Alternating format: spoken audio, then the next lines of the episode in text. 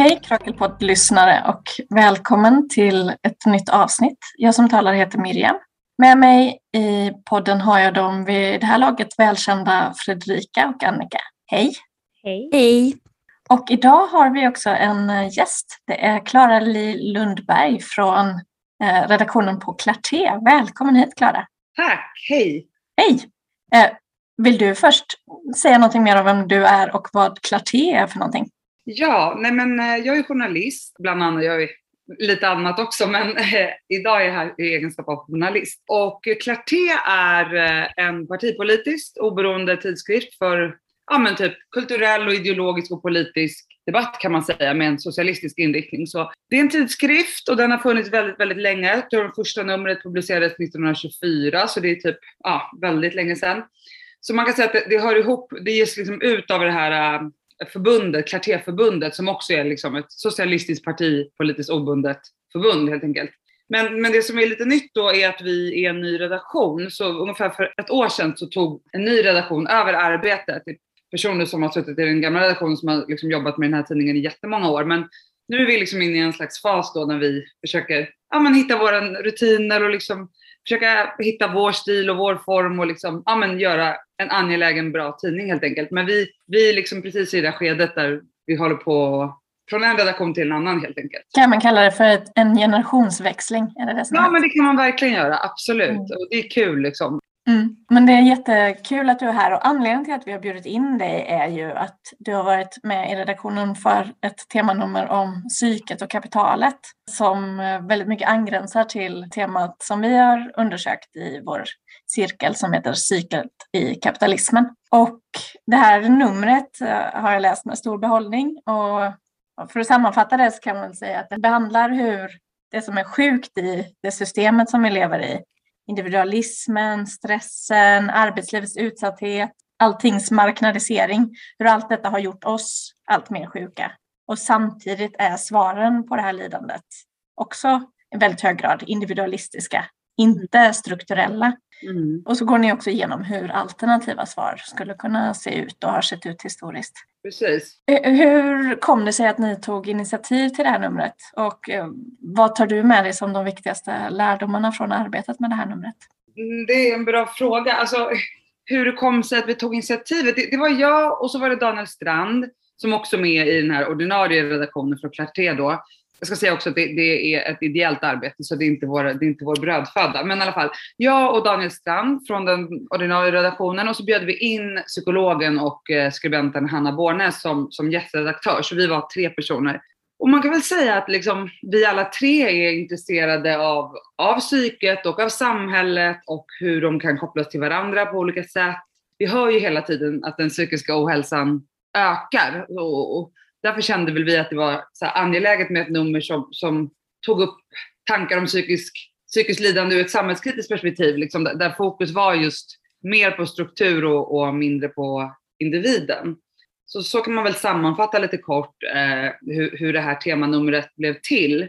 När det gäller vad jag tog med mig för eh, lärdomar, så, och nu pratar jag bara för mig själv, eh, så kan jag väl säga att jag tycker att, att det här temanumret liksom, det blev väl tydligt när vi gjorde det. Att, att väldigt många har egna erfarenheter och, och liksom ganska starka åsikter om det här ämnet. Att, att det är lätt att man blir liksom personlig när man diskuterar det och ibland kan det vara lite typ eh, minerad mark. Och, och en, sån, en sån punkt som var lite så laddad kanske, det är det här eh, frågan om användandet av, av antidepressiva mediciner eller psykofarmaka. Och att det finns en det finns en kritik mot det. Eh, det finns läkare och andra inom sjukvården och även fria debattörer som är kritiska eh, till den här utbredda medikaliseringen och medicineringen och liksom det här biologiska perspektivet på psykiskt lidande som faktiskt är dominerande i svensk eh, sjukvård idag. Och liksom, argument som förs fram i den här kritiken handlar ju dels om att man liksom egentligen bara behandlar symptomen men inte de bakomliggande orsakerna. Och mm. att det här synsättet liksom inte tar hänsyn till, till psykosociala förklaringsmodeller och patienternas socioekonomiska situation eller, eller, eller tidigare upplevelser. Men det finns också en antikapitalistisk kritik. Jag tänker om vi pratar om liksom, vad, vad, vad det här temat hette, psyket och kapitalismen, att det finns en, en antikapitalistisk kritik också som handlar om att, att läkemedelsbolagen har en väldigt stor makt och att de gör väldigt stora vinster då på människors psykiska lidande. Men, men å andra sidan så finns det ju människor som tack vare SSRI och liksom psykofarmaka faktiskt kan leva normala liv som de inte hade kunnat annars. Så liksom den konflikten eller de olika perspektiven har varit väldigt synliga i de diskussioner som vi har haft under arbetets gång och den främsta lärdomen av det tänker jag, för mig i alla fall varit att det är inte givet liksom att den som definierar sig som vänster är kritisk mot medicinering och psykofarmaka och den som är höger är alltid för det eller den som är nyliberal är alltid för det och vice versa. Så det, det måste jag säga att det var, det var någonting som jag inte riktigt hade fördjupat mig innan men som blev väldigt tydligt under det här arbetet. Ja, intressant. Jag tänker att det handlar väldigt mycket om hur man ser på det individuella, hur man ser på det strukturella för att förstå, alltså för individ, det som kan vara räddningen för individen är på ett strukturellt plan. Något som man måste betrakta som ett samhällsproblem. Absolut. Ja. Annika och Fredrika, vi har ju gjort eh, några poddar utifrån den här cirkeln, psyket i kapitalismen. Om ni skulle sammanfatta, vad tänker ni är de viktigaste lärdomarna som ni har dragit från, ja, men från cirkeln och från det tankearbete som vi haft då och efteråt?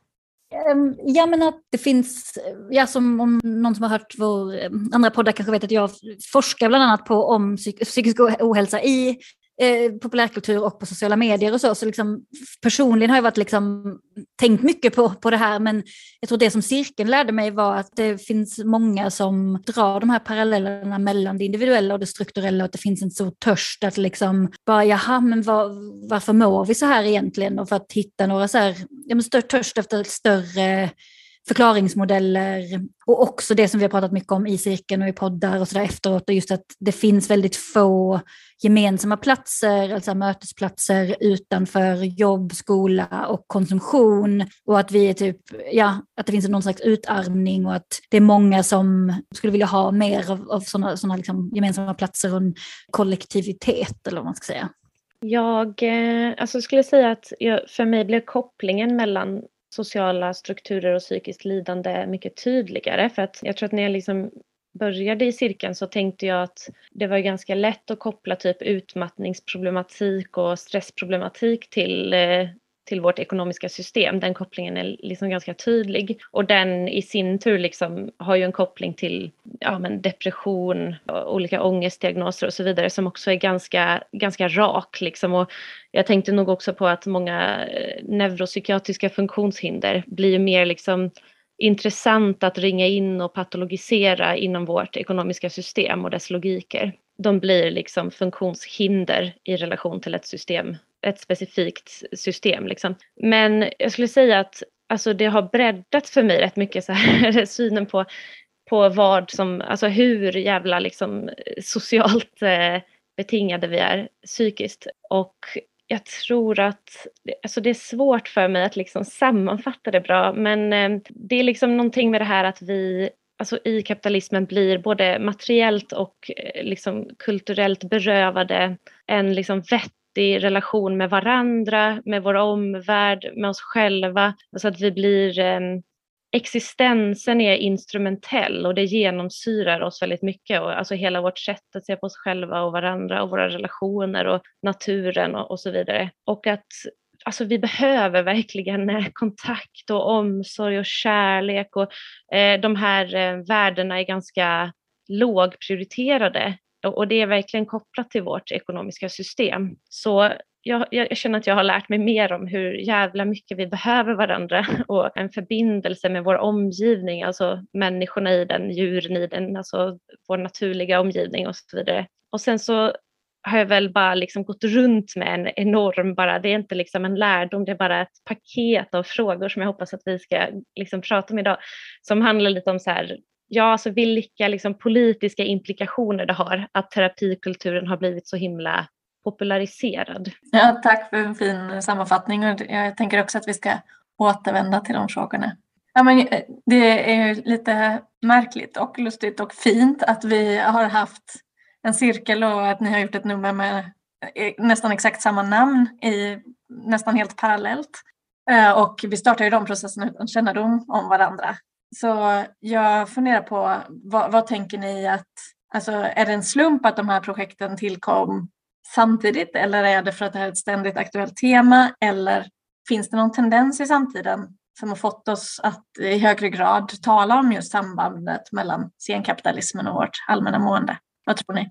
Jag tror eh, att det finns en längtan eh, generellt liksom efter, eh, efter förklaringsmodeller och analyser som handlar mer om, om det, liksom det kollektiva och det strukturella och, och, mindre om individen. Och då tänker jag till exempel på Eva Illouz som jag vet att ni läste i er cirkel.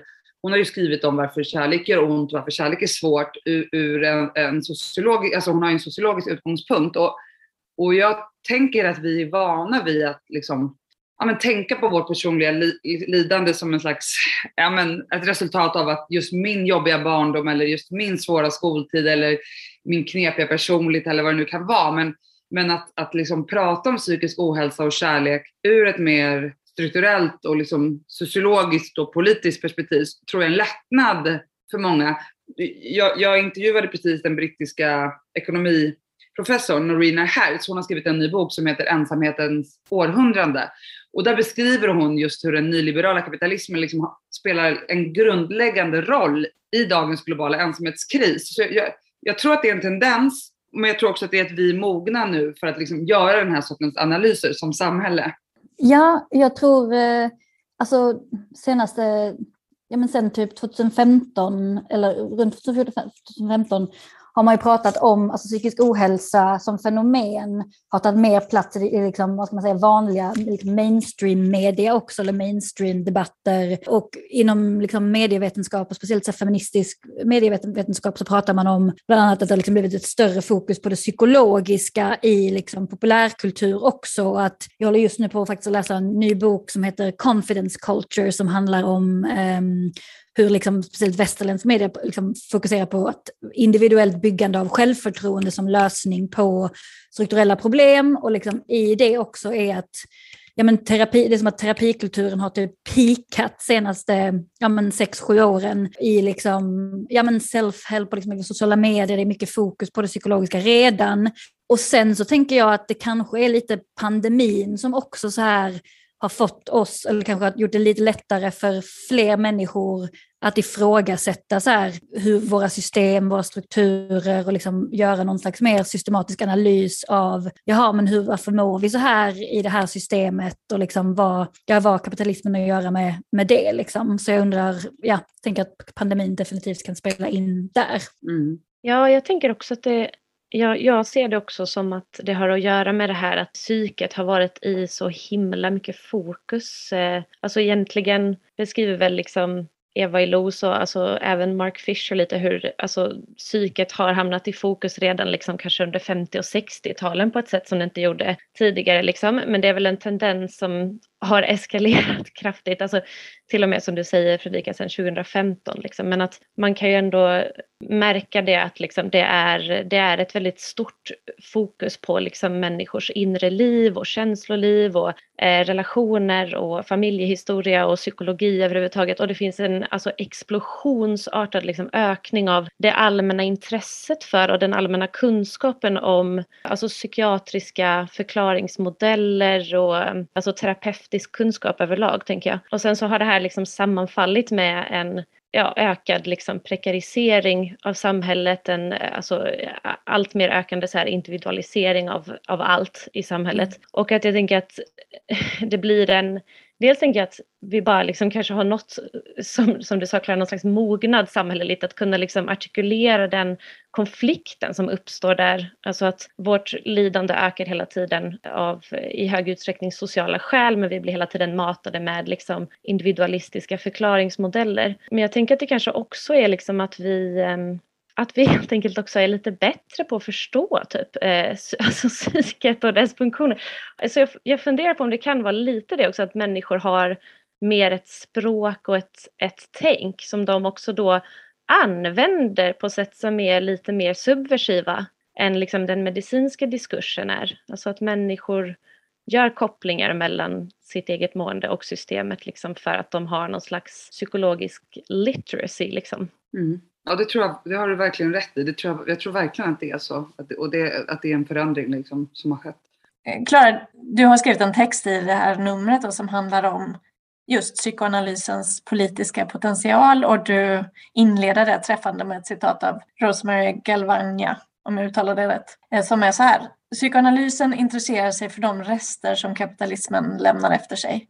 Och sen beskriver du bland annat en gren inom kritisk teori som du benämner som Freud och marxismen. Skulle du vilja berätta lite mer om det? Ja, det kan jag göra. Jag, jag, är absolut ingen expert på det här ämnet, men jag kan berätta det jag kan och, och vet. Jag skulle bara säga så här som en disclaimer att det är, liksom, det är ju en av flera, vad ska man säga, ett av flera försök att liksom försöka gifta liksom, vänster eller någon slags socialism med eh, psykoanalys. Så att jag vill bara ha det sagt. Men, men om, om vi nu ska prata om det som har kallats för Freud och marxismen så kanske man kan säga att den österrikiska psykiatern och psykoanalytikern och sociologen Wilhelm Reich kanske man kan kalla för den första Freud och marxisten. Han, han, han, var ju lärjunge till Freud, det här var 20-talet i Wien. Han var också med i Österrikes kommunistiska parti. Och det han gjorde då, det var att han liksom började undersöka relationen mellan psykoanalys och marxismens dialektiska materialism. Och han, han slog ihop sitt engagemang och aktivism med sin psykoanalytiska praktik kan man säga. Han hade bland annat liksom åkte ut till förorter, han hade ett team med sig, liksom med läkare och sjuksköterskor och gynekologer. Och, ja, så åkte de ut framförallt till arbetarstadsdelar i Wien då och där eh, gav de behandlingar som var som en blandning mellan psykoanalys och eh, marxistiska eh, pamfletter och sådär och gratis preventivmedel. Så eh, man kan säga att han var den första. Han skrev en, en artikel som hette dialektisk eh, materialism och psykoanalys och den, den publicerades då i tyska kommunistpartiets tidning 1929. Han, hade en, han, var, han var väldigt idealistisk, han hade liksom en vision om att, att han skulle hitta liksom en fullständig kunskap om det mänskliga psyket och det mänskliga tillståndet och då tänkte han sig att liksom marxismen skulle omfatta studierna av de sociala eller samhälleliga fenomenen och psykoanalysen skulle då studera de individuella fenomenen. Så han, han tänkte sig liksom att, att man skulle slå ihop marxism och psykoanalys och då skulle man få en komplett uttömmande vetenskap. Så han var väl liksom den första Freud och marxisten kan man väl säga. Och sen har ju det här, liksom, den här teoribildningen har tagits upp under årets lopp av, av lite andra tänkare, liksom bland annat Erik Fromm och Miller och sådär. Så, så man kan väl säga att Miller då, alltså som var, jag vet inte om ni är bekanta med honom, men han var svärson till Lacan. Han, han, han har ju aldrig själv kanske kallat sig Freud och men, men han hade liksom han var med i, i studentrörelsen, han bodde i Paris då och var maoist, som många andra vänsterradikala studenter. Och så, så hade han ju börjat liksom utbilda sig till psykoanalytiker och sen startade ju han också liksom världsorganisationen för psykoanalys senare. Men han skrev ju en text då som, som handlade om relationen mellan marxism och psykoanalys, strukturens aktion. Och den kom i mitten av 60-talet ungefär. Och till skillnad från Wilhelm Reich så kanske inte han hade så högt stigande plan. Alltså han hade inte liksom den här idealistiska idén om att vi ska smälta ihop psykoanalys och marxism och det ska bli en allomfattande kunskap eller vetenskap. Men däremot så i den här texten försökte han beskriva hur de relaterar till varandra. Han menade att de på ett sätt begränsade varandra men att, liksom, att man ändå skulle kunna hitta en, en slags enhetlig diskurs som ett resultat av, av liksom den här kommunikationen mellan de här två ja, man kan väl säga att liksom, det, som jag sa, det är inte bara, alltså Freud och marxism är ju liksom en del i den här ganska spretiga historiska rörelsen där vänsterteorier har korsbefruktats med psykoanalys. Men jag, jag ville bara tipsa om en eh, samtida person som, som jag tycker gör ganska intressanta saker i det här fältet och det är den brasilianska filosofen och psykoanalytikern, han är också forskare, Gabriel Tupinamba. Så han, eh, han tar liksom lite upp Millers idéer då i sin doktorsavhandling. Den kom för några år sedan, men det finns en väldigt intressant intervju med honom i en podd som heter New Books on Psychoanalysis som jag verkligen kan rekommendera. Överhuvudtaget är det en jättebra podd, men där liksom brer han ut sig och förklarar lite mer hur han tänker, liksom, på vilket sätt psykoanalysen kan vara relevant för dagens vänsterrörelse till exempel och sådär. Jag tycker i förståelsen av vad som har hänt med marxismen under 1900-talet, det är någonting som, eh, som jag tycker är väldigt intressant och som ju också kanske förklarar mycket av vad som har hänt inom vänsterrörelsen och vart vi skulle kunna gå vidare. Men det är också relevant att fråga sig var står de här teorierna idag och vad, vad kan man dra för nytta idag av den här teoribildningen? Jag vet inte, jag kanske kan fråga dig Fredrika, hur mycket uppfattar du i din forskning att den här typen av teoribildning finns jag är inte jättepåläst på det nu, men Lacan alltså, har blivit upptagen väldigt mycket i medievetenskap som ett sätt att förstå medias roll. Liksom, i, det finns en så här, the mirror stage som används jättemycket. Det finns ju liksom, inom den teorin critical theory också liksom, ja, men, psykoanalysen som ett sätt att förstå världen och så. Liksom. Tror att tyvärr inom akademin är det ganska mycket att det psykoanalytiska har fastnat på en väldigt teoretisk nivå som är lite, alltså, som gör att det är lite otillgängligt på många, vissa sätt tror jag. För att, alltså speciellt typ det lakanska, det, det här med the imaginary symbol, alltså det blir väldigt eh, teoretiskt, kanske svårbegripligt, det tar många steg för att förstå liksom. Det är långt från eh, när eh, Wilhelm Reich åkte ut i arbetarkvarteren och delade ut Mm. Väldigt långt därifrån. Väldigt, väldigt långt tyvärr. tyvärr. Ja, mm. ja nej, men jag håller med dig Fredrika. Och det, jag har bott i Argentina i många år och jag kommer ihåg när jag flyttade tillbaka till Sverige och blev inbjuden på en sån här Lacan-konferens på Södertörn. Det handlar inte bara om Lacan då förresten, men i alla fall. Och då blev jag så chockad när jag såg alla de här vita medelklasskillarna och så förstod jag att de var där för att de älskade Zizek.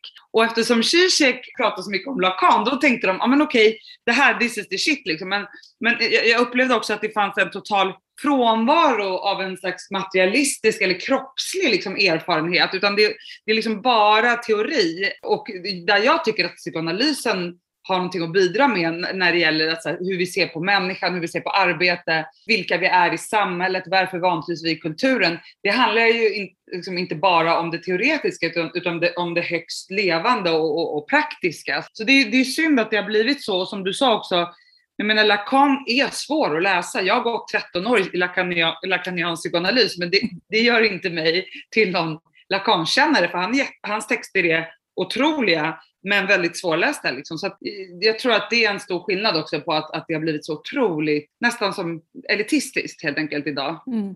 Ja, alltså det var egentligen det jag också tänkte på. Jag tänkte på um, alltså typ Judith Butler till exempel har ju använt Freud och Lacan typ för att försöka skriva liksom teori om hur skapas det könade subjektet, typ alltså vad är, vad är kön egentligen och liksom hur, hur skapas det? Och, och det är ju också det absolut mest förbisedda kapitlet i boken Genustruppel, det som alla bara eh, lite så här eh, hoppar över för att det är så himla komplicerat. Men sjukt intressant och handlar just om detta liksom en djupdykning i så här, vad fan är ett könat subjekt och hur, hur uppstår det liksom? Och det blir ju ändå någon slags då försök till, till att förstå människan i relation till sociala strukturer på både liksom mikro och makronivå med hjälp av psykoanalys. Men jag tänkte, för att jag tänkte på din eh, text i ert eh, temanummer här nu Klara och om det här att skillnaden på liksom psykoanalys som teori och praktik. Att psykoanalysen är ju verkligen en praktik och att det har tappats bort lite. Nu är det ju inte en sådär jättevanlig praktik kanske. Sverige i alla fall. Nej, Nej precis. Um, och det är ju speciellt inte en speciellt tillgänglig praktik för den breda massan. Ja, och då är frågan liksom vad har den att, ja, vad har den att ge oss som, som praktik och alltså hur hade man kunnat använda den tänker jag. jag tänker på det här att det, det det erbjuder oss är liksom eh, medel att förstå att förstå oss själva, liksom, att förstå människan, typ, att förstå existensen. Liksom. Men vi har ju också då noterat så här, att många av de försöken att uh, göra det teoretiskt blir väldigt så här, elitistiska, svårgenomträngliga och kanske inte alltså inte entydigt elitistiska tycker jag, alltså, men, eh, men kanske inte en så här subversiv populär praktik om du förstår vad jag menar. Mm. Um, så jag tänkte nog bara så här, uh, ja, tankar kring det? Det blev en väldigt luddigt ställd fråga, ursäkta. Nej, nej, jag, nu förstår, jag förstår vad du menar. Nej, men jag tror, precis som jag försökte liksom beskriva i min artikel, så tänker jag att hur psykoanalysen ser ut, jag skrev ju bland om Kuba och sådär, men, men även, alltså jag menar, idag i Sverige så eh, är ju psykoanalysen eh, marginaliserad, alltså rent praktiskt därför att förut så kunde man få frikort, alltså man kunde, det var landstingssubventionerat, nu är det inte det längre. Det finns några få psykoanalytiker som lever, som, som är psykiatriker, det vill säga de är läkare och de kanske har, att man har den möjligheten att, att kunna få frikort och kunna gå där. Men annars är det ju en klassfråga, precis som annan terapi. Men, men om vi går tillbaka till psykoanalysens inneboende kraft, liksom att, för jag ser ju psykoanalys som någonting väldigt radikalt, alltså både att den erkänner det liksom lidande som, som samhället och familjen eh, liksom och andra människor eh, för all del också orsakar oss. Men, eh, och att den liksom möjliggör en process där, där det lidande objektet blir blir ett subjekt och sen att, att liksom det här subjektet befriar sig själv från, från sitt lidande. Så jag, skulle väl, det, det, är klart att det, det är ju kontextuellt i, i vilken grad psykoanalysen kan upp, upplevas eller, eller uppträda som en, som en motståndspraktik eller som, en, som en något radikalt. Men men jag tänker, det finns ju liksom en slags eh, pågående diskussion och konflikt idag mellan KBT och, och psykodynamiska terapimetoder. Och där hamnar ju psykoanalysen ännu längre ut på extremen. Men, men det som gör psykoanalysen till en slags motståndspraktik, det handlar ju också om att den inte är nyttomaximerande. Du ska inte prestera någonting, du ska, liksom, du ska inte vara framgångsrik i din eh, terapi, liksom, utan, utan det handlar om någonting helt annat i det avseendet tycker jag att man kan se på psykoanalysen som radikal och som en motståndspraktik. Så verkligen, jag måste bara säga, nu när du säger det så tänker jag på liksom bara radikaliteten i liksom en terapeutisk praktik som inte går ut på att man typ ska följa en rutin eller klara av att ha ett jobb. Alltså att det bara är så här, du ska förstå din existens ungefär och liksom eh, bli ett subjekt. Det låter ju fantastiskt bara att stå upp för ett sånt värde i sig. Liksom. Ja, alltså precis. Och även om Freud trodde att människor mådde bra av att arbeta, inte för att tjäna pengar men för att göra något meningsfullt. Man kan ju utvidga vad arbeta betyder. Men, men jag tänker att det här som du sa att, att få bli ett, ett subjekt och så, att jag upplever att psykoanalysen också är en djupt humanistisk praktik och teori. Och det i sig, tänker jag, i alla fall i det samhället vi lever i idag, bara det också är en slags upprättelse för människovärdet på något sätt. Mm. Mm, jag måste bara hålla med också. Jag tycker att det är verkligen det radikala är, i det är så här, skapa en plats där man kan vara ett subjekt och reflektera över att vara ett subjekt på ett sätt som inte har att göra med att bli ett arbetande subjekt eller bli effektiv eller KBTs in i funktionalitet på ett sätt. Och jag tänker att det kan vara en skala där också för att, ja, alltså, jag vet inte, personligen har jag, ja, du sa att du hade gått 13 år i lakansk psykoanalys, jag gick åtta år i psykodynamisk eh, terapi i USA och liksom där var, och det fanns inget, så det var bara, bara en gång i veckan, som jag vet att psykoanalys är mycket oftare, men det var ändå liksom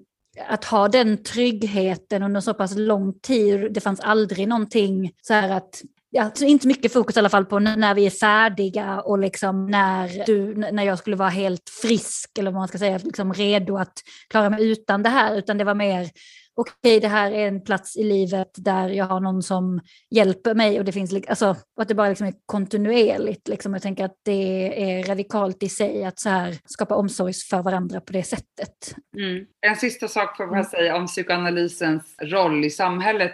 Det skiljer sig ju ganska mycket i, i Argentina, i Frankrike och även i USA tror jag, men, men jag känner ju främst till eh, Argentina och Frankrike att psykoanalytiker är en del av samhällsdebatten. De psykoanalytiska perspektiven lyfts fram. Och det gör det på ett sätt mer tillgängligt. Alla vet vad en psykoanalytiker är. De flesta har en erfarenhet av det. Det har funnits stora statliga institutioner där man kan gå gratis. Det var så jag började psykoanalys. Jag gick till, till liksom ett statligt sjukhus där det också bedrevs forskning och jag betalade ingenting. Eh, så psykoanalysen har ju en potential i sig att vara samhällsförändrande, att vara omstörtande, att vara en, en kritisk röst i en nyliberal liksom, samhällsklimat. Men eh, i Sverige är det inte riktigt så, upplever jag.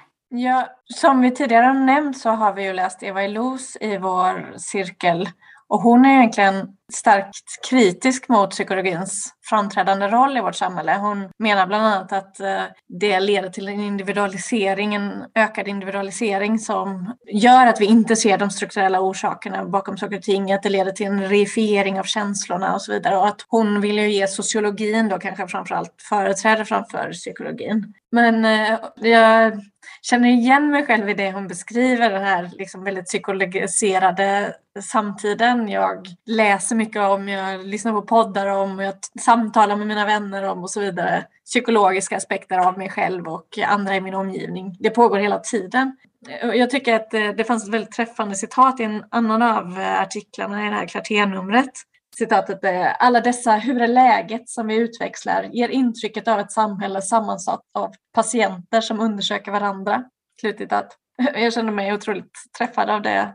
Men vad tänker ni andra om om terapikulturens roll i samtiden. Vad finns det för positivt och vad finns det för problem med det? Alltså jag tänker att det positiva är väl att vi har mer ord och verktyg att prata om hur vi mår. Alltså, jag bara tänker liksom i relation till tidigare, alltså att vi, att vi lär oss att beskriva hur olika saker får oss att må själsligt och emotionellt och på ett sätt som liksom tidigare generationer eller då tänker jag mest kanske på mina föräldrar som är 40-talister, liksom, som de har ju inte sådana språk för sådana grejer alls. Och jag, jag vill ändå vara lite positiv och tycka att jag tror att det är bra att vi pratar om, om, så, om hur vi mår och att vi kan kommunicera kring det. Och liksom, jag tror att det är en bra, något i grunden väldigt bra. Och sen så är det ju det precis som Miriam som du sa, att det liksom problemet är det individualiserade, liksom, när det blir att okej, okay, svaren till varför vi mår på ett visst sätt, att de, bara, att de begränsas till liksom familjen, ens familjehistoria, ens relationshistoria, anknytningsproblematik etc. etc, etc. Att det bara blir så individuellt och att man då inte kan se de större kopplingarna. Eh, men jag hoppas ju att typ sådana här initiativ och sånt här kan vara någon början till att verkligen se de kopplingarna igen. Jag håller med dig eh, Fredrik. Jag tycker också att det i grunden är positivt. Jag vet inte, jag utgår från i alla fall att det är svårt att vara människa och att det är liksom existentiellt utmanande oavsett var vi lever och att det behöver man bearbeta eller analysera eller fundera kring. Men och, sen tänker jag det här med att liksom vi säger hur är läget? Jag menar, det tänker jag också så här, det finns över, alltså de här fraserna som man utbyter som är hur är läget, WhatsApp, liksom, alltså att det, det behöver inte per definition betyda att man verkligen bryr sig om hur den andra personens psyke mår. Utan det är ju egentligen bara så artighetsfraser. Men om vi liksom tänker oss att, att det finns ett intresse bakom det, att vi faktiskt är ett samhälle sammansatt av patienter som undersöker varandra, som i det här citatet som du sa Miriam, så tänker jag att det är väl bra. Men återigen, jag tänker att det, det handlar också om var i samhället man befinner sig. Vilka har tid att fundera på hur de mår? Eh, vilka har pengar att eh, gå i terapi. Så att det, är liksom svårt, tänker jag, att separera det här från alla andra faktorer som klass till exempel, ja, men socioekonomisk bakgrund och sådär. Ja, och sen personligen också, jag är själv väldigt intresserad av andra människor och, och av psyket. Så för min del är liksom inte det egentligen ett problem, men problemet blir väl om allting reduceras till individen, att det liksom att man bara tror att det hänger på en själv och att lösningarna alltid är individualistiska. Där har vi ett problem liksom. Det gjorde väldigt stort intryck på mig när vi läste Eva Illous eh, beskrivning av liksom, eh, hur det är att eh, uppleva sin subjektivitet i termer av att man har någon form av det är som ett kapital som ska optimeras och kontrolleras. Liksom. Alltså att man, man ska hålla på att eh, utveckla och förverkliga sig själv hela tiden. Och då tänkte jag på den eh, väldigt starka kopplingen liksom mellan det och terapi kulturer, alltså både behandlingsmetoder men också den här liksom, eh, populära diskursen om eh, att lära sig om typ gränser och eh, att kunna typ förstå och hantera känslor, att ha goda kommunikationsfärdigheter, att eh, känna igen sårbarheter hos sig själv och andra och hantera dem och sådär att det är ju, alltså jag upplever det, jag håller på med det jättemycket och jag upplever det verkligen som också som att det är på sätt och vis en märklig eh, upplevelse att, att hela tiden hålla på med den här optimeringen och liksom kontrollen alltså det känns i liksom också en kulturell kontext där man är väldigt ensam med ansvaret för sig själv på något sätt. Ja, jag vet inte. Jag, men jag tänkte på det här med att eh, familjen skulle vara så apolitisk. Alltså jag tycker anknytningsteori är liksom en politisk fråga. Typ. Eh, jag tänker att anknytningsteorin lär oss jättemycket om eh, vad människor behöver. Framförallt att barn har väldigt liksom, eh, stora behov och att om de inte får de här behoven mötta så sätter det jättedjupa spår i en människa liksom, och skapar lidande som liksom ärvs i generationer och, och också liksom har samhällseffekter. Och det är, också, det är ju en samhällsfråga huruvida människor får sina behov mötta, alltså sina basala behov. Och vi har ett ekonomiskt system som inte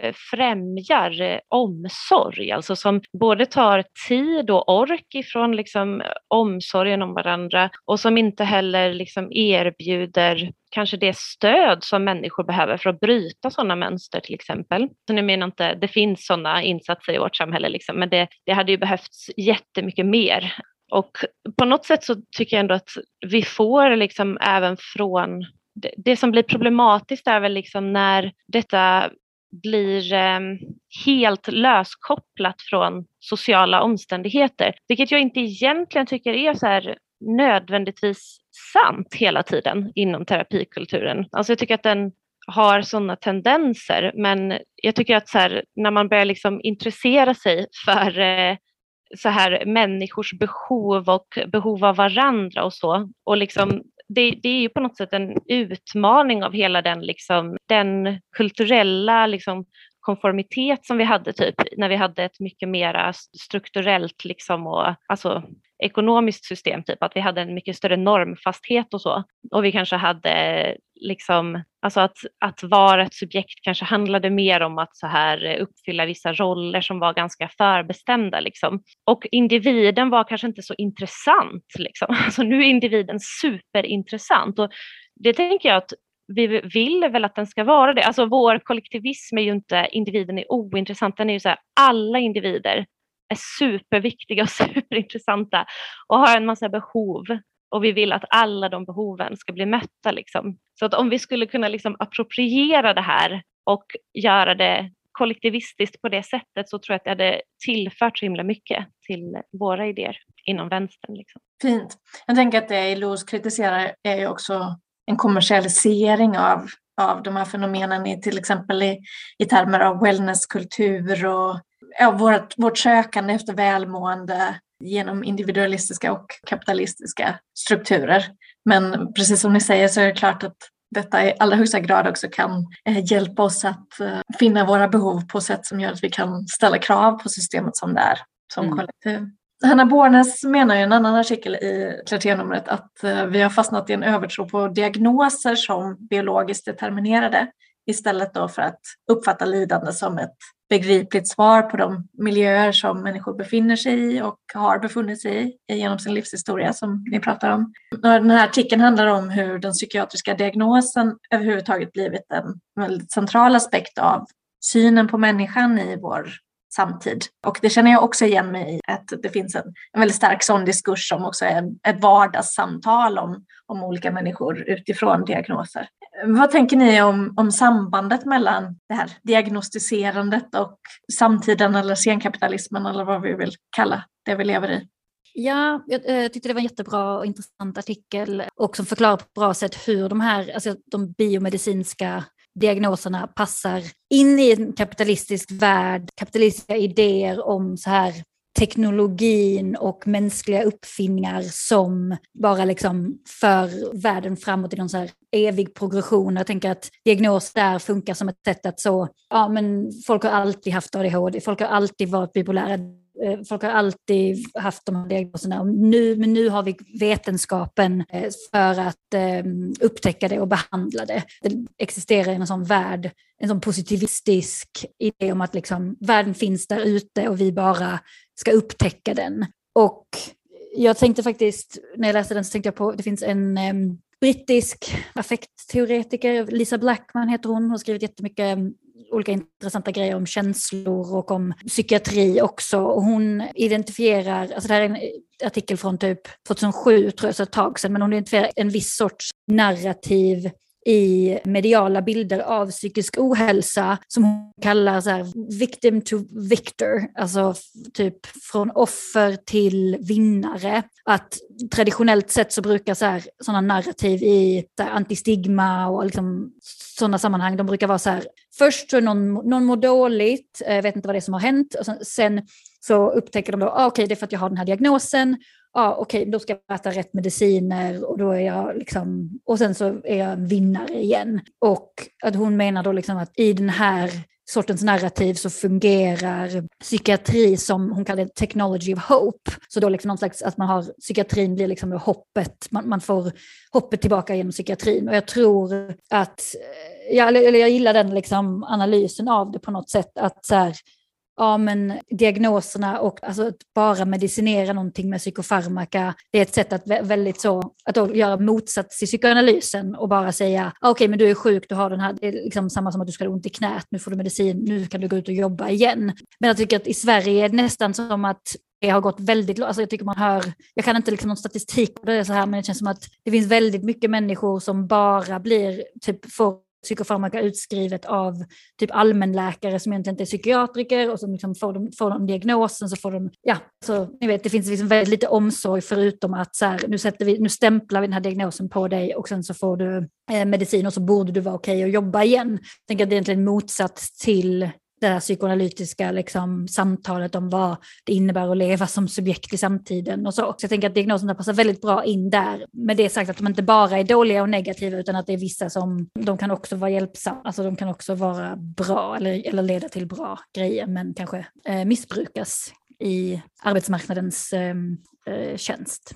Nej men precis, jag, jag, I'm with you. Alltså, men, men det här som du refererade till Hanna Borners artikel, eh, Miriam, och, och liksom den här övertron på diagnoser som något biologiskt liksom, istället för att, att liksom förstå och uppfatta att det här lidandet eh, beror på och är också begripligt eh, svar liksom, på en människas eh, livssituation eller livshistoria. Och, det, och jag tänker att det hakar ju i, det finns ju liksom en en liksom allt större, eller jag skulle säga de senaste åren så har det kommit flera röster eh, både från medicinskt och samhällsvetenskapligt håll som liksom på något sätt ifrågasätter den här bilden och den här statistiken om att liksom psykisk ohälsa ökar och att vi mår allt sämre. Och då är det ofta sådana här argument då som förs fram, ja men vi har aldrig levt så länge tidigare och barnadödligheten har minskat och alltså det är lite som när folk, ja men ni vet, den, den sortens eh, argumentation liksom. Men, men också just så här som du var inne på lite Fredrika, att liksom, ja, att allt fler liksom tillstånd förstås som sjukdomar eller, eller liksom får en diagnos. Och, att det kanske i många fall när det gäller psykisk ohälsa att det handlar om lidande och tillfällig oro liksom och sådär. Men problemet med den här strömningen skulle jag säga är ju att den väldigt sällan tar hänsyn till just så här, klassperspektivet, den är sällan samhällskritisk. Och det är ju väldigt problematiskt att säga till en person, och det, det, så är det ju också att kvinnor och personer liksom med låg socioekonomisk status det är de som är mest drabbade av psykisk ohälsa. Och det blir väldigt cyniskt eh, då att säga till en sån person att du är inte psykiskt sjuk eller du har det, det som du kallar för psykisk ohälsa, det är egentligen bara lite vanlig oro. Så att jag tycker att det finns en ignorans och en väldigt cynisk blick på, eh, liksom en brist på klassanalys helt enkelt. Men samtidigt så, så tycker jag ändå att det är värt att fundera på liksom hur det aktualiseras ju varje gång den här DSM, den här stora psykiatribibeln kommer ut. Liksom DSM 5 var den senaste som kom ut. Där man liksom då, det är en slags internationell psykiatrisk uppslagsverk där man då bestämmer vad, vad är en diagnos och vad ska patienten uppfylla för kriterier för att den ska ha den här diagnosen och så vidare. Och den är ju liksom, den är ju avhängig samhällsutvecklingen så att säga. Alltså att om man har en kritik om att, att allt fler normala tillstånd såsom oro och lidande har gett en diagnos, då måste man ju samtidigt också göra en skarp analys av ja, men i vilket samhälle i vilket samhälle lever de här patienterna som upp, eller de här personerna som upplever det. Men sen håller jag med dig om Fredrik, att, alltså jag menar, att få en diagnos kan ju också hjälpa en människa och, eh, och, då kan man få en rätt behandling. Å andra sidan, i dagens Sverige så är rätt behandling ofta synonymt med medicinering. Och på så sätt kan man ju säga då att läkemedelsbolagen eh, tjänar pengar på att folk får diagnoser i större utsträckning. Så vi kommer aldrig ifrån det där. Liksom, vi kommer aldrig ifrån att vi lever i en nyliberal kapitalistisk tid där ingenting kan frånkopplas från det, från det paradigmet på något sätt, eller, eller från, det, från det systemet. Mm. Alltså man pratar sällan kanske rent allmänt om psykiatriska diagnoser som, som det de egentligen är, det vill säga ett sätt att ringa in ett fenomen. Alltså ett sätt att identifiera ett mönster, ge det ett namn och försöka förstå det ungefär. Och det finns ju liksom så många andra sätt man kan eh, prata om och tänka på de fenomen som beskrivs med olika diagnoser. Liksom. Men jag tänker också på det här att jag tror att Hanna Bornes tog med det att vissa upplevde liksom en sån lättnad från det här förkrossande ansvaret att prestera när man får en depressionsdiagnos. Liksom att, att man bara, ja, oh, gud vad skönt, det är liksom inte jag är inte misslyckad eller har gjort fel utan alltså, jag är sjuk. Och jag tror att det är jättevanligt. Eh, när vi hade Sad Girls Krakelkvällen så var det en en psykolog som var där som berättade på diskussionen efter att, att hon mötte liksom så mycket besvikelse och sorg hos människor som eh, hade sökt för till exempel neuropsykiatriska utredningar och inte fick någon diagnos. Och det kan jag verkligen förstå för att i vårt samhälle så är det, det är liksom den primära typ valideringen av lidande. Det är så här, om du inte har en diagnos då, är du inte, då lider du inte på riktigt typ, eller då är ditt lidande obegripligt på något sätt och dina misslyckanden är liksom dina egna och du är alltså allting som är då, alltså inom citationstecken fel med dig är verkligen bara ett fel och inte en sjukdom. Mm. Alltså alla sätt som du inte möter systemets krav är, är fortfarande ditt fel och kan inte hänvisas till en sjukdom. Liksom. Och sen är det ju också det här att det är ju det enda sättet att få psykiatrisk vård. Det är att underkasta sig de här definitionerna. Man måste bli diagnostiserad för att få vård, för att få någon vettig eller så här långsiktig vård i alla fall. Och det är ju jätteproblematiskt. Men jag tänker också som ni har sagt att om man kan ha en lite mer kritisk blick på det här, då kan man se det som en användbar resurs. Att det är ett sätt att förstå ett fenomen. Alltså det är ett sätt att liksom ringa in någonting och tänka på någonting och så här. Eh, och det kan ju vara värdefullt, liksom, både för individer och för samhället. Tack för era kloka tankar om detta. Jag tänkte ge er en sista fråga, kanske den svåraste då. Hanna skriver också i den här eh, artikeln att genom att omformulera problem från psykiska till sociala så kan vi möjligtvis bryta den här postpolitiska uppgivenheten som finns i samtiden. Alltså om vi kan se det som att vi ska förändra samhället istället för att förändra oss själva efter samhället. Men hur rör vi oss dit? Alltså hur tar vi oss mot ett ställe där vi inte individualiserar problemen på det viset som vi gör nu och där vi kan se en ehm, kanske politisk potential i att prata om vårt mående i relation till samhället istället för bara om oss själva.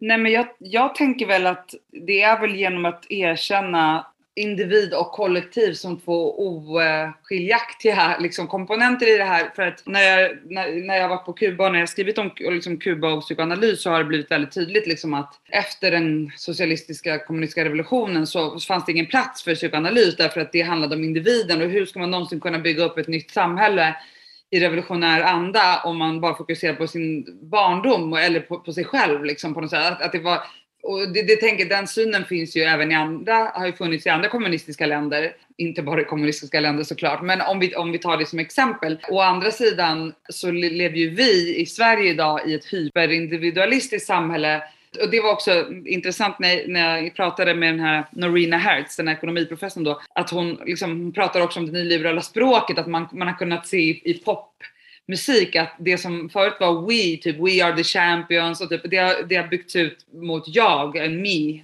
liksom I. Och att det är så överhuvudtaget i, i liksom det lingvistiska har också på något sätt förgiftats av det här nyliberala imperativet. På något sätt så, så tänker jag det, liksom, jag tänker då, liksom Sverige och stora delar av västvärlden som något hyperindividualistiskt och sen liksom det postrevolutionära Kuba där, liksom, där individen bara skulle raderas liksom, och kollektivet var allt. Men, men jag, jag tänker att in, man, det blir kanske lite, vad ska man säga, klyschigt nu här, men, men att jag tänker att man måste jag upplever att det kan finnas ett visst motstånd inom vissa delar av vänstern, både i Sverige och internationellt, just att liksom prata för mycket om sig själv, prata för mycket om psyket, prata för mycket om hur man känner, Eh, utan det är liksom, vi, ska, vi ska bara ha kollektiva revolutionära lösningar på allt. Men jag tänker att precis som att det, alltså jag menar, det är politikernas ansvar, det är eh, liksom på ett sätt väldigt makro, men å andra sidan, det kan inte vara det enda svaret på något sätt. Och, och, och just så här, äh, Krakel och liksom andra sådana här initiativ, alltså där man faktiskt på något sätt går med på och erkänner liksom subjektet och individens eh, behov och eh, liksom väldigt här, singulära och, och specifika eh, behov och, och situation och eh, förutsättningar och sådär. Att det ändå är en öppning på något sätt.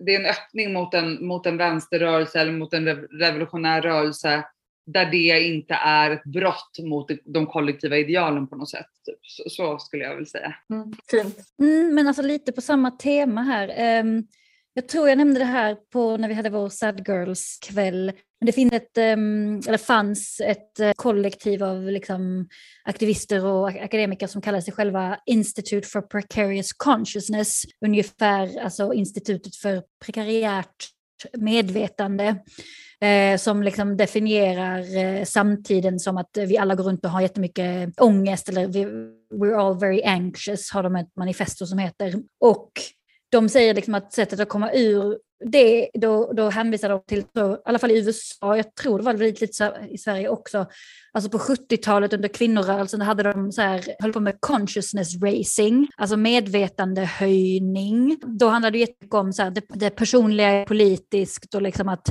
se att ja, men, alla vi hemmafruar har det, skit, har det pissjobbigt och tråkigt. Och liksom att koppla, det var ju mycket det liksom den, den kvinnorörelsen handlade om. Och den, de här Institute for Precarious Consciousness säger då liksom att vi behöver något liknande i samtiden, medvetandehöjande. Och jag tänker att det är liksom, ja, man måste liksom sam, samlas och, och, prata om hur man mår och liksom göra de här kopplingarna. Och, ja, jag tänker att det vi har gjort i Krakel med den här cirkeln, med de här poddarna och allt det, och liksom, att det är första steg till det. Och jag tycker det är lite fint också att se det på något sätt i relation till så här 70-tals feminism som ju ledde till massa saker. Och sen kan jag debattera hur bra alla de där sakerna var. Liksom kanske, det finns ju vissa också som säger att feminism var stor del, alltså till att göra det liksom personliga och individfokuset så, så mainstream, eller vad man ska säga. Men samtidigt kan det vara lite fint att bara säga, men det som började med små grupper av kvinnor som satt och pratade om sina personliga upplevelser ändå har mynnat ut till någonting större. Och jag vet inte, kanske att vi är liksom på, på snudd till det. Så. Ja, jag tänkte på ett tidigare avsnitt av Krakelpodden som handlar om eh, abolitionism, vår trygghet bortom polisen, där Lina och Mikaela pratade om liksom hur vi måste, vi måste utveckla våra liksom, eh, vår kapacitet helt enkelt att, eh, att möta våra egna och varandra, alltså våra behov som kollektiv av liksom trygghet och omsorg för att så här, komma ur, alltså det är en nödvändighet för att eh, bli fri från både kapitalism och eh, liksom repressiva våldsapparaturer. Då. Så jag tänkte bara släng, slänga in det här, kanske som ett lyssningstips på ändå så här vad jag tycker är en, eh, en omformulering av vissa liksom psykiska kanske idéer eller, eller tankar så till, till sociala. Men jag tänker egentligen att en, alltså ett intresse för um, våra psykologiska behov skulle kunna informera och liksom skärpa på något sätt alla. Jag menar, det handlar ju om så här, hur många timmar om dagen vi arbetar, hur trygga våra anställningsformer är, hur stressigt vi har det på jobbet, eh, vilka relationer vi har möjlighet att ha när vi är där. Jag vet inte, alltså, hur mycket resurser som går till typ skola och omsorg och vård. Det, det är ju faktiskt, alltså, det är ju, eh, jag vet inte, alla de kamperna hade kunnat vara mycket mer ty, alltså man hade kunnat, alla de kamperna som vänstern för hade kunnat kopplas så himla mycket tydligare till våra liksom, emotionella behov. Typ. Och det tror jag hade varit hjälpsamt för människor att förstå sin existens. Liksom. Mm, men då måste vi själva omformulera berättelsen från att till exempel kräva bara mer pengar till psykvården, vilket förstås också är ett väldigt legitimt krav men vi måste på något vis själva komma bort från den här uppdelningen i, i sjukt och friskt som eh, legitimerar eller ger acceptans till alla de aspekter av samhället som, precis som du säger Annika, skapar emotionellt lidande för väldigt många av oss.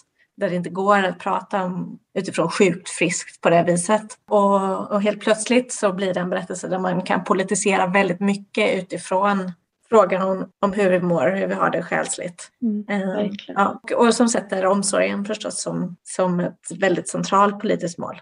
Ja, jag tänker att den eh, ganska omfattande liksom, produktion av text kring anknytningsteori som finns nu ofta missar den biten att alltså det, där läggs ju ansvaret för att uppnå alla de här eh, tillfredsställa alla de här behoven på en eller två kanske vuxna. Och om man bortser lite från behovet av ett sammanhang, alltså även där hade man kunnat artikulera liksom kopplingarna socialt och, och kollektivt mycket tydligare. Verkligen. Jag tänker vi ska avrunda där och vill säga stort tack till er tre för alla dessa kloka saker som ni har givit det här samtalet. Och jag tänker det finns mycket för oss alla att processa och som ni var inne på innan, som du var inne på Fredrika, så är ju detta också ett, ett medvetandehöjande för alla som förhoppningsvis kommer att tänka på sitt eget lidande och i relation till samhället på, på nya sätt. Mm. Att, att ge det ett språk känns väldigt värdefullt. Så tack till dig som har lyssnat också och jag hoppas och tror att du har fått med dig någonting av detta. Hör jättegärna av dig med reflektioner och tankar. Tack! Tack!